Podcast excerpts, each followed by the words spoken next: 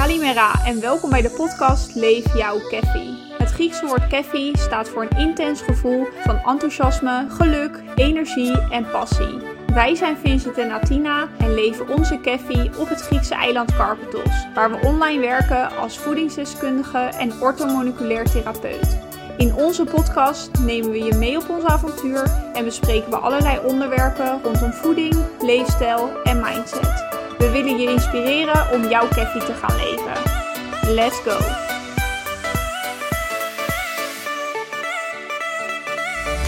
Goedemorgen allemaal. Welkom bij alweer een nieuwe podcast van ons. Het uh, is vandaag woensdag en uh, we zijn vanochtend uh, even druk bezig geweest in de, in de hoofdstad hier op Carpathos in Viaria. Um, want wij moeten nogal wat papieren regelen om hier allemaal dingen voor elkaar te krijgen. En dat valt niet mee. En dat valt niet mee, nee. Het is allemaal nog wat ouderwets hier. Alles moet vertaald worden. Uh, heel veel papierwerk, geboortecertificaten, nou noem het allemaal maar op voor uh, maar het openen van uh, een bankrekening. Maar het lijkt erop dat het nu allemaal geregeld is. Ja, als het goed is hebben ze nu alles goed. Er waren wat problemen met de namen, want ze willen hier altijd namen weten van je ouders. En dan uh, gaat het om volledige geboortenamen en geen roepnamen. Dus daar uh, was het niet helemaal goed gegaan. Maar het is gefixt, denken we. Dus uh, daar waren wij vanochtend even lekker mee bezig. En nu tijd voor een nieuwe podcast. Um, zitten voor het eerst op het balkon boven. Ja. In de hoop dat dat goed gaat met de wind. Maar het waait niet zo hard. Het is lekker warm. Nee. Sinds gisteren is het echt een, een beetje windstil. Heerlijk, even wel. Ja, normaal gesproken is het hier een beetje winderig. Ja, dus dit is ook wel even lekker als we even wat minder wind hebben. Um, dus ja, en een nieuw onderwerp vandaag. Waar gaan we het over hebben? Over het prikkelbaar darmsyndroom, ja. ook wel PDS genoemd. Heel veel mensen hebben hier last van. Ik denk dat ook heel veel mensen niet weten dat ze hier last van hebben. Nee. Nou, we hebben het vorige keer al over gehad dat in Nederland heb je zo'n 10 miljoen chronisch zieken op dit moment. En ongeveer 2 miljoen daarvan, die hebben last van PDS. En daarvan uh, is, een, is een klein deel is maar echt bestempeld met de term PDS vanuit de huisarts. Maar er loopt dus ook een heel groot gedeelte, die loopt met uh, ja, vergelijkbare klachten. Maar die zijn nog niet bij de huisarts geweest.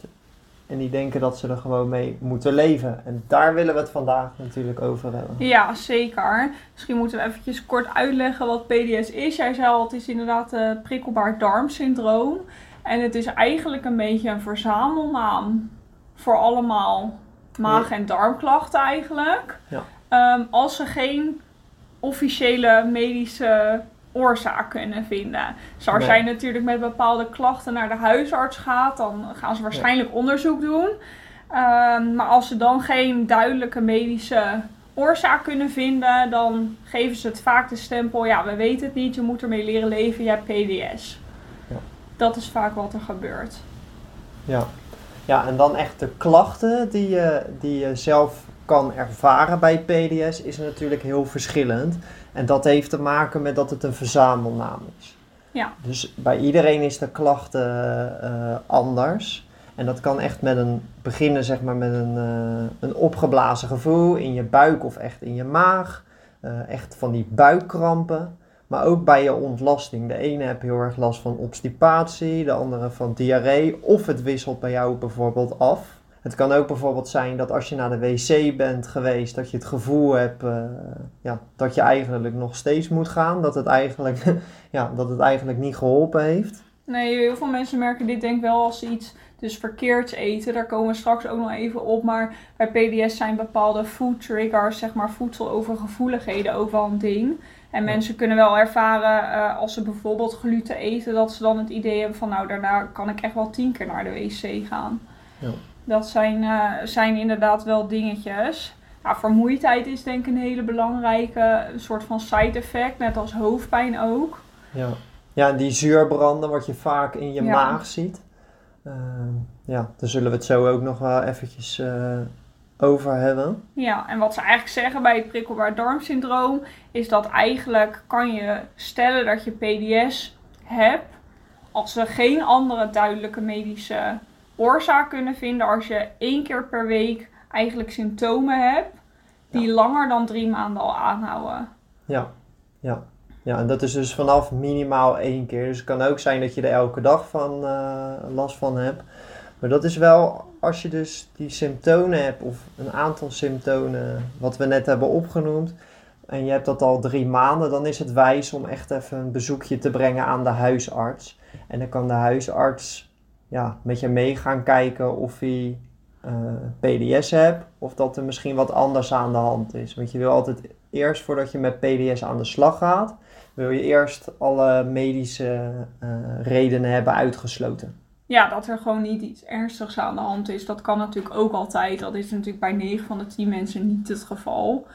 Nou, je ziet nu wel een verschil in uh, de, wat de huisartsen zeggen als jij uiteindelijk de stempel PDS krijgt.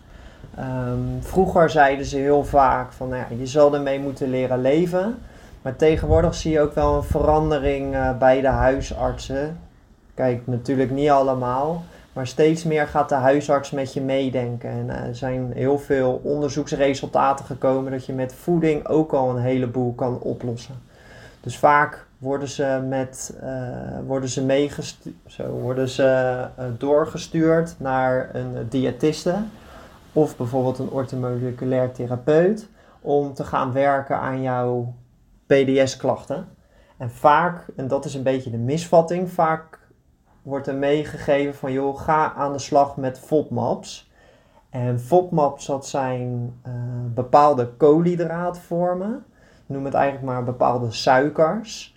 En bij heel, nou, bij heel wat, bij best wel wat mensen met PDS, die kunnen deze FODMAPs niet goed verteren. En daar komen die klachten van. Ja, daar komen die klachten vandaan. Alleen uit onderzoek is nu ook gekomen dat maar een klein deel uh, daar lost de klachten van op. Nou, ik denk dat wij dat zelf ook wel hebben gezien. We hebben best wel veel mensen met, uh, die de stempel PDS hebben of um, met PDS klachten lopen, maar het niet zien als PDS. En heel veel mensen zijn of zelf of op advies van de huisarts aan de slag gegaan met FODMAP. Ja. Um, die merken eigenlijk dat het niks doet, maar ze volgen het nog steeds. En dat is echt super zonde. Want je hoort ook heel vaak bij PDS, ja, gaan er gluten of lactosevrij eten. Dat is super goed als dat voor jou de trigger is. Alleen wat je heel vaak ziet is dat mensen dus vervolgens al drie jaar glutenvrij eten. Wat ze heel irritant vinden. Ja. En de klachten zijn ook niet weg. Dat betekent dus dat die gluten niet jouw PDS-trigger zijn. Nee. En dat is echt zonde. Nou ja, je gaat je steeds meer beperken in de voedingsproducten die je, die je binnenkrijgt. Want net als lactose of gluten, het is niet per definitie slecht. Ja, daar zijn heel veel mensen gevoelig voor. En dan is het niet handig om te eten. Maar als je er wel tegen kan, ja, dan is het niet erg om het te eten. En je, je gaat je steeds meer erin te beperken. Maar wat wij merken, en daar zullen we zo nog wel even verder op komen is dat FODMAPs is eigenlijk bij ons de laatste wat wij gaan checken op voeding gerelateerd. Omdat je hebt al heel veel te winnen door echt gezonder te gaan eten, door je food triggers eruit te gaan halen, uh, ja, om dat te gaan optimaliseren. Ja, zeker. Ik dacht misschien voordat we overgaan op het stappenplan, uh, moeten nog eventjes uh, gaan kijken naar de oorzaken van PDS. Waar komt PDS nou vandaan? Misschien kun jij dat even. Ja, nee, daar heb ik een heel simpel antwoord op. Nee, dat is, uh, het is niet duidelijk.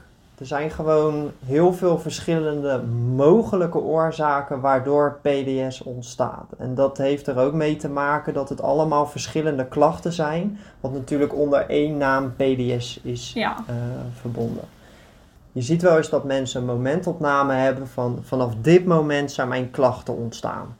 En dan moet je bijvoorbeeld denken aan een hele stressvolle periode, of dat je een burn-out hebt, of je hebt een antibiotica-kuur voor iets gehad, uh, of je infectie in het buitenland, of een voedselvergiftiging. Dat zijn hele duidelijke zaken, uh, duidelijke, ja, hoe zeg je dat? Ja, momentopnames. Ja, duidelijke momentopnames. Vanaf dat moment hebben mensen klachten.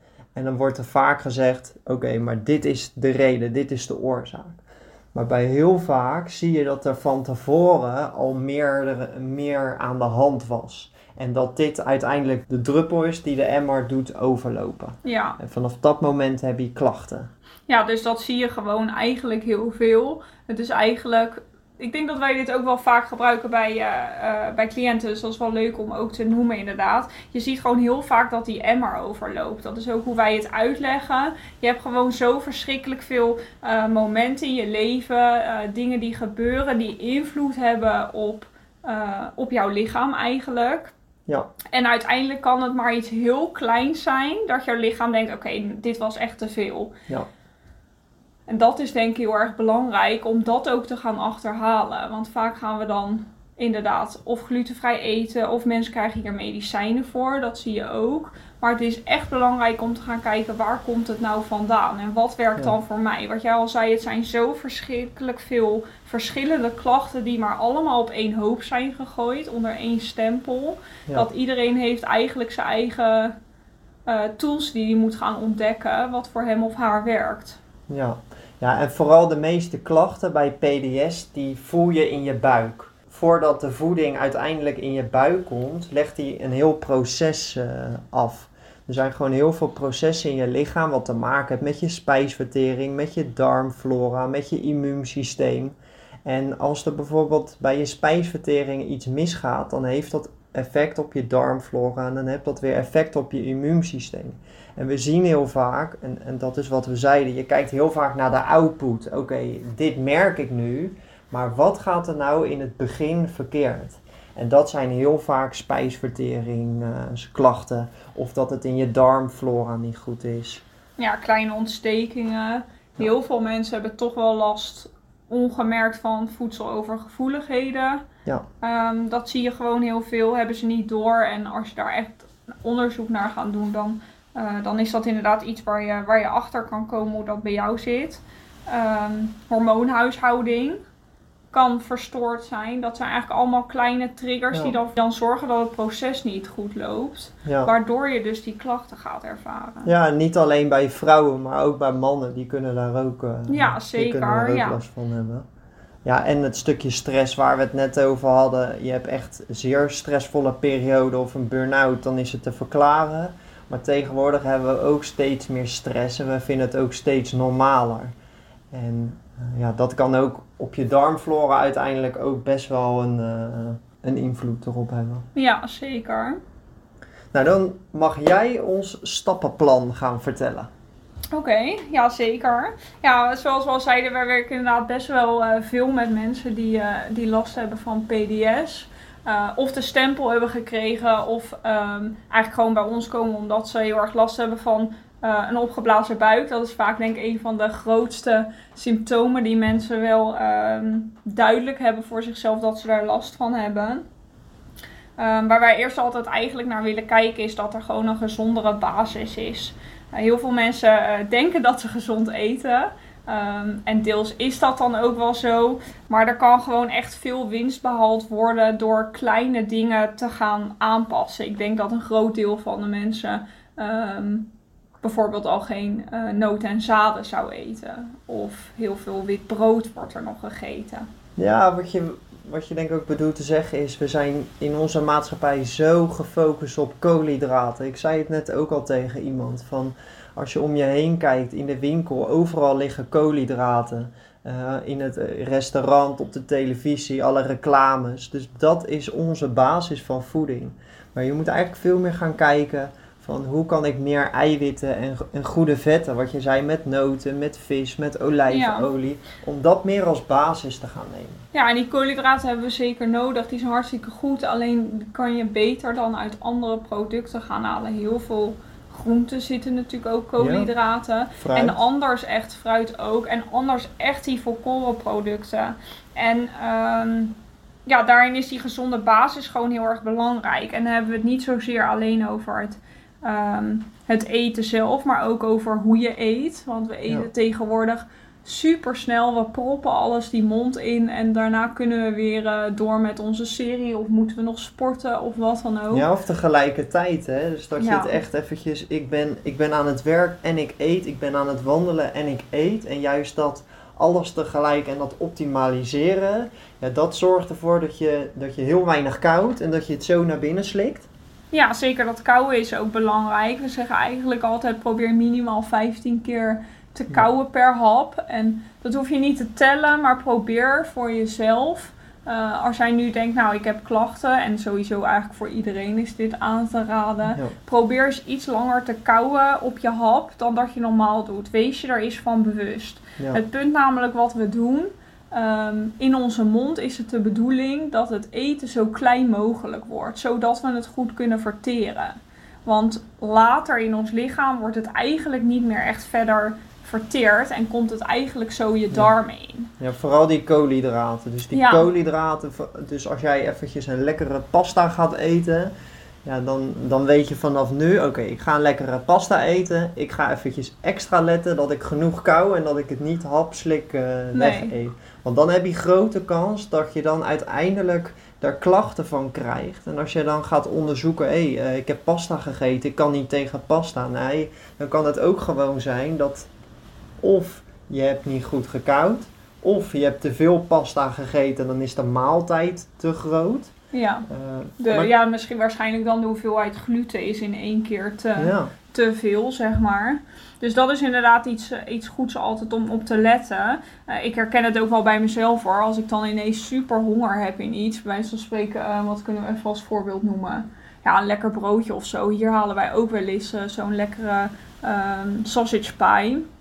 Oh, dan heb ik er al zo'n trek in. En dan denk ik later van, oh shit, ik heb echt net een hele brok gewoon naar achter gegooid. Omdat ik het zo snel weg wilde hebben.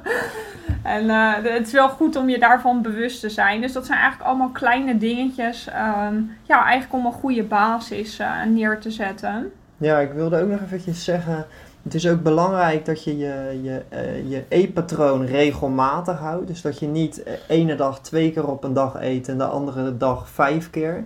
Probeer het gelijkmatig te houden. En probeer ook niet te veel eetmomenten te houden. Zeg dat je drie of vier keer op een dag eet en niet te veel snacks tussendoor eet. Zodat je maag echt alles kan gaan verteren. En dan geef je je lichaam als het ware ook wat meer rust. Ja, zeker. Mooie aanvulling. Dank je. Nou, dan hebben we ook natuurlijk nog het, eh, het stukje eh, ja, leefstijl. Dat sporten en bewegen is ook heel belangrijk. Uit meerdere onderzoeken is naar voren gekomen dat PDS en bewegen heel erg met elkaar te maken hebben. Zit je alleen maar achter je stoel en beweeg je eigenlijk te weinig op een dag, ja, dan kunnen je klachten alleen maar verergeren. Daarom is ook echt het advies van joh, ga dagelijks echt even een half uurtje bewegen. Zorg dat je twee tot drie keer in de week iets doet dat je je hartslag wat gaat verhogen. Maar doe het ook niet te extreem. Dus ga, als jij echt eh, van de fitness houdt en je wil lekker kaart gaan squatten. eh, maar jij ziet dat je heel veel last krijgt eh, na het sporten of de volgende dag.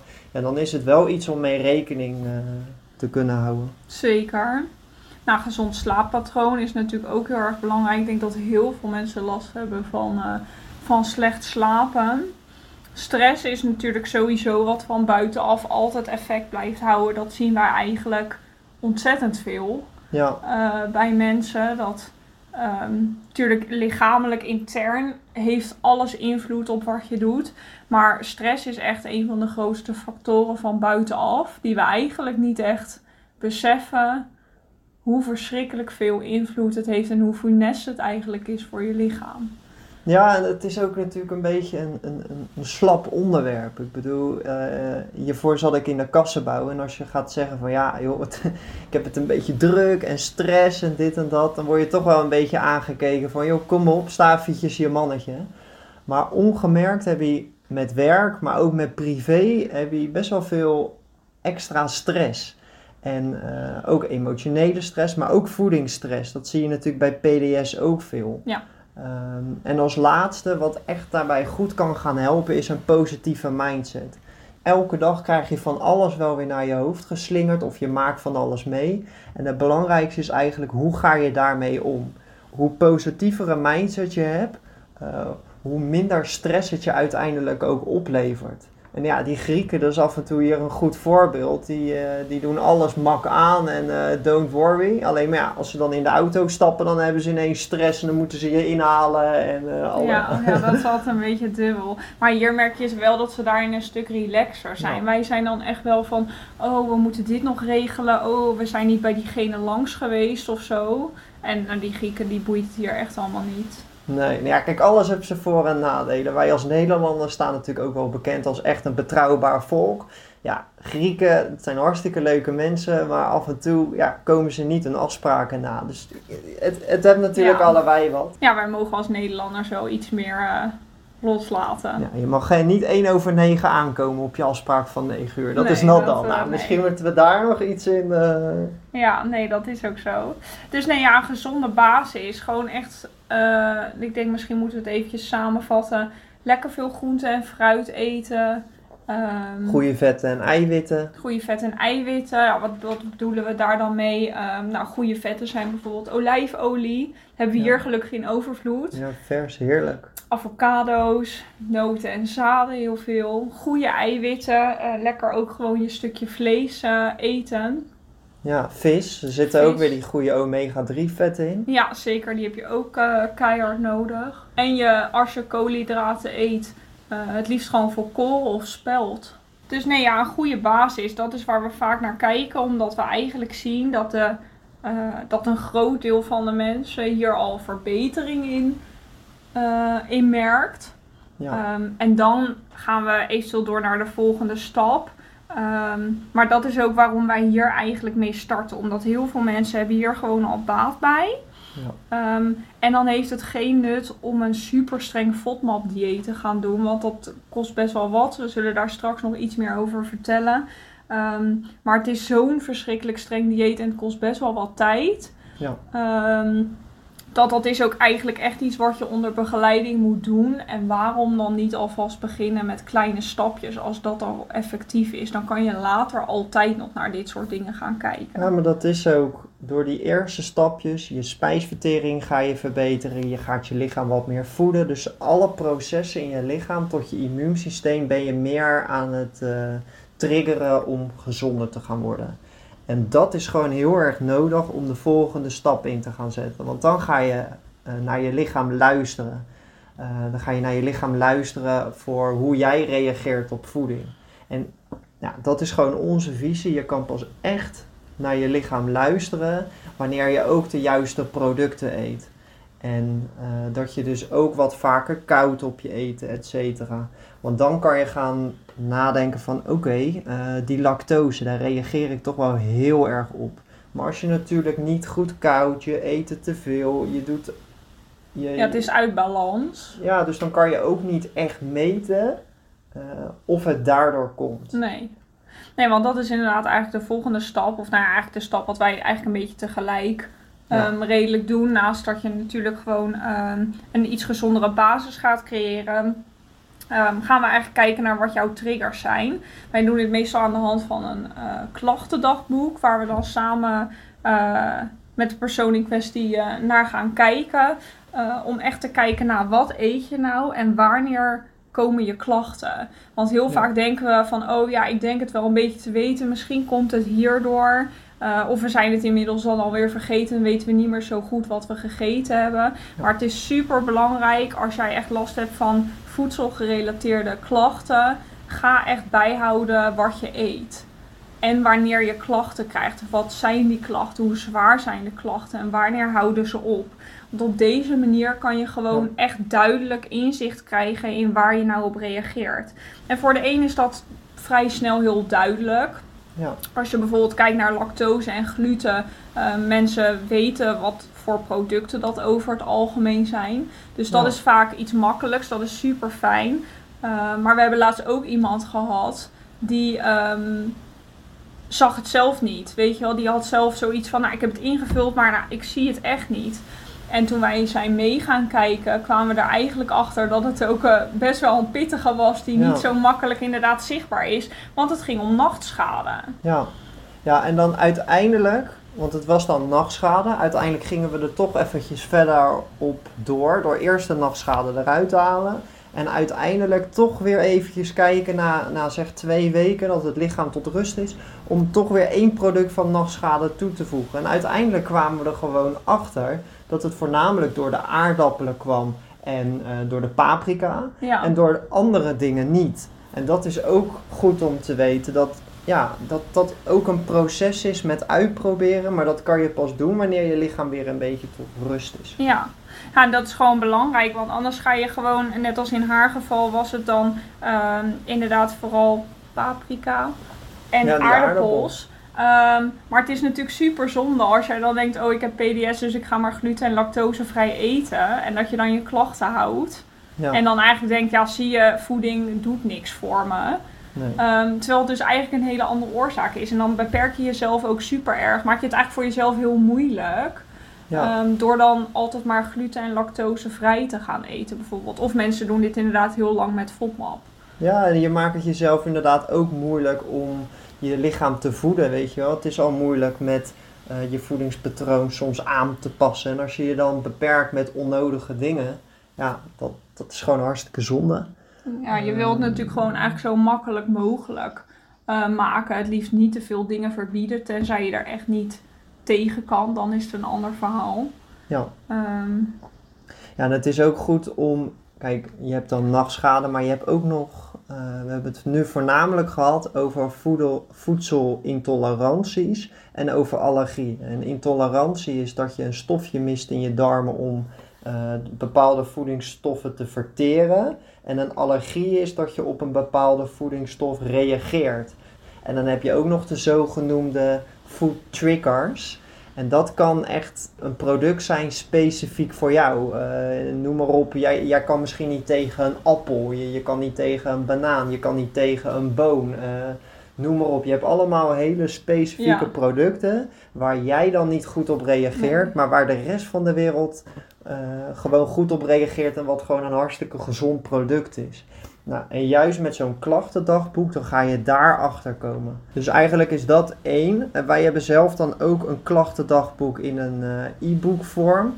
Waar we alle voedsel, nou ja, de grote voedselallergieën en intoleranties en food triggers bespreken. En waar je ook eh, met een klachtendagboek aan de gang kan gaan. En het mooie vind ik van het e-book is wanneer je weet waar je last van hebt, dat we daarmee ook je gaan helpen als je naar de supermarkt gaat. Van joh, ik heb hier en hier last van, maar hoe kan ik nou zorgen eh, dat ik dat niet toevallig weer in huis haal? Want net als aardappel zit ook in allerlei verschillende producten verwerkt. Nou, het is gewoon heel erg eh, vervelend van de voedselproducenten Ja. dat ze natuurlijk bepaalde stoffen niet willen noemen dat het in hun product zit. Dus gaan ze er een rare naam aan geven, waardoor wij denken: oh top, dit zit er niet in. En dan Ja. blijkt het er toch in te zitten. Ehm, dus daar hebben we inderdaad een hele lijst ook van toegevoegd om echt te laten zien van nou. eh, ja, wat zijn dan andere benamingen voor bepaalde producten en waar moet je op letten? Maar ook, eh, hoe moet je je ehm, klachtendagboek lezen? Want je kan Ja. hem heel leuk in hebben gevuld, maar je moet hem ook kunnen lezen. Dus dat is Ja. iets, eh, ja, het is eigenlijk een heel compleet boek waar je zelf mee aan de slag zou kunnen. Ehm, dus mocht je nou denken, ik wil hiermee aan de slag, ga even naar de caffeelifestyle.com en dan eh, ga je hem daar eh, vinden, ons werkboek. Ja, ja en een andere is, ehm, wij doen zelf in de praktijk gebruiken we ook vaak een EMB-test. Dat is Ja. een vingerbloedprik en daarmee kan je zo'n 15 intoleranties slash allergieën kan je eruit halen. En dat kan wel eens als je echt wel vervelende klachten hebt en je wil er wat sneller vanaf. Dan kan dit een snellere methode zijn om erachter te komen eh, waar je nou last van hebt. En daarbij is ook nog het grote voordeel dat je nog extra veel informatie krijgt. Hoe staan je darmen ervoor? Hoe is je spijsvertering? Hoe is je immuunsysteem? En allemaal andere verschillende onderdelen. Ehm, en daardoor kan je sneller een eh, nog een betere aanpak eh, creëren om daar vanaf te komen. Ja, zeker, is ook zo. Nou ja, als je dan erachter bent gekomen wat jouw voedselallergie, intolerantie, trigger is en jij hebt een gezondere basis, dan is het als het goed is, zijn je klachten eh, weg. Of misschien heb je af en toe nog wel eens last. Eh, dan heb je ook nog bepaalde suppletie die je kan toepassen om bijvoorbeeld je eh, je, ja, je klachten eventjes tijdelijk wat te verminderen. Of juist natuurlijk met zo'n goede multisupplement om te zorgen dat je, je, dat je genoeg vitamine en mineralen krij- binnenkrijgt. Ja, gewoon een mooie basis. Ja, of om je darmflora een boost te geven. Maar dat is wel echt pro, ehm, persoonsafhankelijk. eh, wat je daarvoor toe moet passen. Dus daar hebben we niet een algemene. nee, ik zou niet zomaar van voor. alles gaan slikken. Dat, eh, dat heeft gewoon geen nut. En het is zonde van je geld, want supplementen zijn gewoon best wel duur. Dus Ja. ik vind het wel belangrijk. Dat is ook iets wat wij voornamelijk ook echt ehm, adviseren in onze consulten. Ja. Ehm, omdat we dan natuurlijk veel meer informatie hebben van iemand. Dus dan kunnen we veel beter een beeld krijgen wat zo iemand nodig heeft. Maar Ja. ja, suppletie is gewoon toevoeging. Dus eh, Ja, en mocht dat nou allemaal niet werken, of die klachten zijn wel verminderd, maar het is niet weg, kijk, dan gaan we kijken naar dat FODMAP-dieet. Maar als het goed is, je bent wat gezonder gaan eten, je bent wat beter gaan kouwen, dan maak je het voor je lichaam al veel makkelijker om koolhydraten te verteren. En dan heb je natuurlijk nog bepaalde FODMAP. Wat we bij het begin zeiden, zijn bepaalde koolhydraten die je dan niet goed verteert. Je hebt een aantal groepen. En het kan zijn dat je bijvoorbeeld tegen één groep, daar kan je dan niet tegen. Dus dat betekent ook niet dat je alle FODMAPs eruit moet halen. nee, en Maar- waarom is het best wel zwaar? Dat is denk ik even Ja. goed om uit te leggen. Ehm, als je aan een FODMAP-dieet begint, ga je eigenlijk voor een aantal weken geen Ja. ene FODMAP meer eten. Of eigenlijk Nee. zo FODMAP-arm ja. mogelijk eten. Je haalt Alle al die groepen eruit. alle. FODMAP-rijke producten, die ga je daar inderdaad eigenlijk helemaal uithalen. Dat is heel intensief, want daar zitten ook heel veel lekkere fruitsoorten bij die iedereen eigenlijk gewoon Ja. ehm, lekker eet. En eh, het, het is gewoon heel pittig. Dat, daarom is het ook echt iets wat wij als eh, laatste middel pas gebruiken. Ja, de bedoeling is, als je dat FODMAP doet, dat je binnen twee weken wel echt al merkt dat je klachten wat minder worden. En binnen vier tot zes weken moeten je klachten eigenlijk weg zijn. Heb je nou nog steeds klachten en wordt het nou niet echt minder, ja, dan is de FODMAP, dat is dan niet jouw Trigger. food trigger. Ja, Dus dat is wel belangrijk om te weten, want daarna ga je een proces in om, als je lichaam tot rust is, elke keer een groep toe te voegen. Ja. Om te gaan kijken hoe je daarop reageert. En je lichaam moet daarna weer tot rust komen en dan ga je de volgende groep doen. Dus je bent zo twee, drie maanden verder. Dus in totaal kan je echt wel vier maanden kan je ermee bezig zijn. Eh, dus dat is wel goed om in je achterhoofd te houden. En, en dat is ook de reden dat wij zeggen van joh, begin eerst met een gez- goede, gezonde basis. Dat kan al heel erg helpen. Dan kan je beter naar je lichaam luisteren om erachter te komen waar kan je nou wel tegen en waar kan je nou niet tegen. Eh, eventueel wat supplementen. En dan ga je pas naar die FODMAP. ja. Nou, mocht dat nou allemaal niet helpen, dan zijn er ook nog eh, nou, andere dingen waar je naar zou kunnen kijken. Bijvoorbeeld naar hypnotherapie. Dat wordt vaak gebruikt eh, als mensen veel stress hebben en dat niet een plekje kunnen geven. Soms kan je natuurlijk in relationele sfeer, stel eh, familielid ligt op sterven, ja, daar kan je niks aan veranderen, al zouden we dat graag willen. Ehm, ja, dan zou hypnotherapie kunnen helpen om daar beter mee om te kunnen gaan. Ja, dan heb je ook nog andere dingen wat je zou kunnen eh, checken, is een bek- en bodemtherapie en cognitieve gedragstherapie. Ehm, Ja, dat zijn eigenlijk allemaal dingen. eh, nou, zeker ook de cognitieve gedragstherapie is echt voor die mindset ook. ja, En de bekkenbodentherapie is eigenlijk meer voor je, eh, voor je lichaam. Om eigenlijk eh, ja, inderdaad je bekkenspieren te ontspannen. Wat natuurlijk weer te maken heeft dat jij ehm, beter naar de wc kan bijvoorbeeld. ja. Nou, en het, het belangrijkste is van dit allemaal, heel veel klachten, echt bij heel veel mensen wordt het met voedsel, voeding en leefstijl al opgelost. En echt bij een klein groepje is dat niet het geval. Dan kunnen deze alternatieve dingen kunnen nog helpen. Maar het is belangrijk om altijd erna nog wel contact met je huisarts erover te hebben. Want mocht dit nou allemaal niet helpen, ja, dan is het verstandig om met de huisarts een volgend plan te maken. Want je moet gewoon niet accepteren dat je met de klachten die je nu ervaart, dat je daar de rest van je leven mee eh, moet leren leven. Nee, Dat is echt wel wat ik wil meegeven. zeker. Ik dacht misschien kunnen we eventjes een duidelijke samenvatting nog doen. Ja, daar ben jij heel goed in. Ja, zal ik dat even doen? Oké. Eh, prikkelbaar darmsyndroom dus. PDS.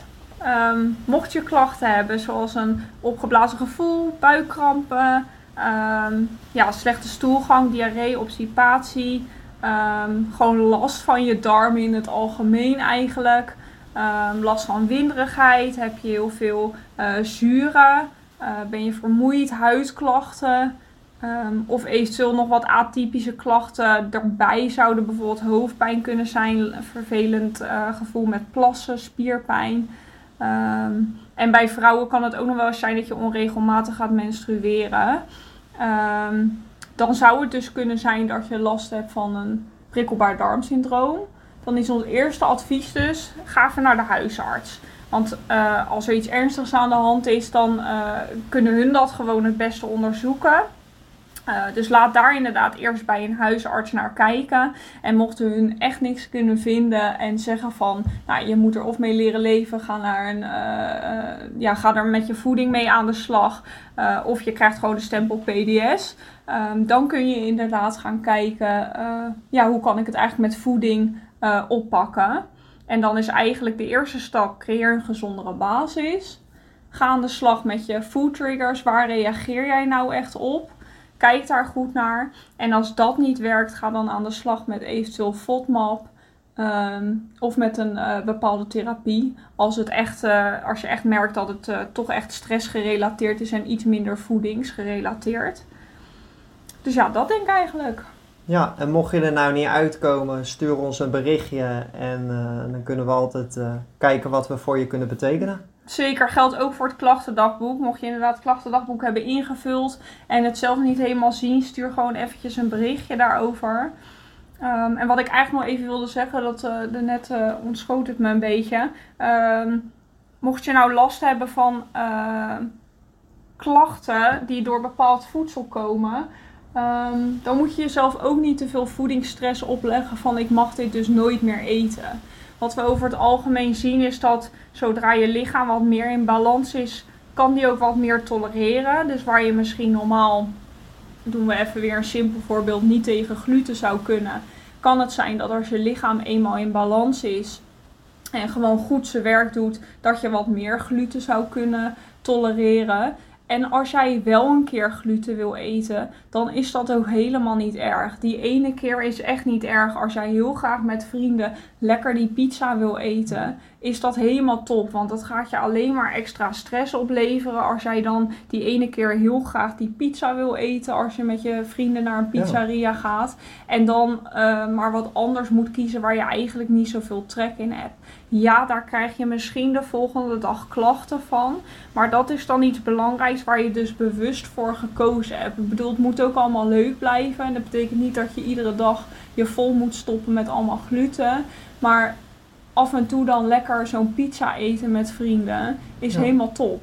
Nou, het belangrijkste is, je hebt de kennis in huis, je weet hoe je lichaam erop reageert. Dus op dat moment kies je er bewust voor. Ja, ik krijg misschien last, maar dit is het mij waard. Ik bedoel, we leven, je leeft maar één keer in je leven. Dus dan uh, kan het geen kwaad dat je af en toe zegt... Uh, ja, ik accepteer dat ik nu gewoon wat meer last krijg. Zeker. Ik weet niet of de mensen het horen, maar inmiddels ja. komt er een vliegtuig ja, voorbij. Hij gaat weg, hij gaat weg.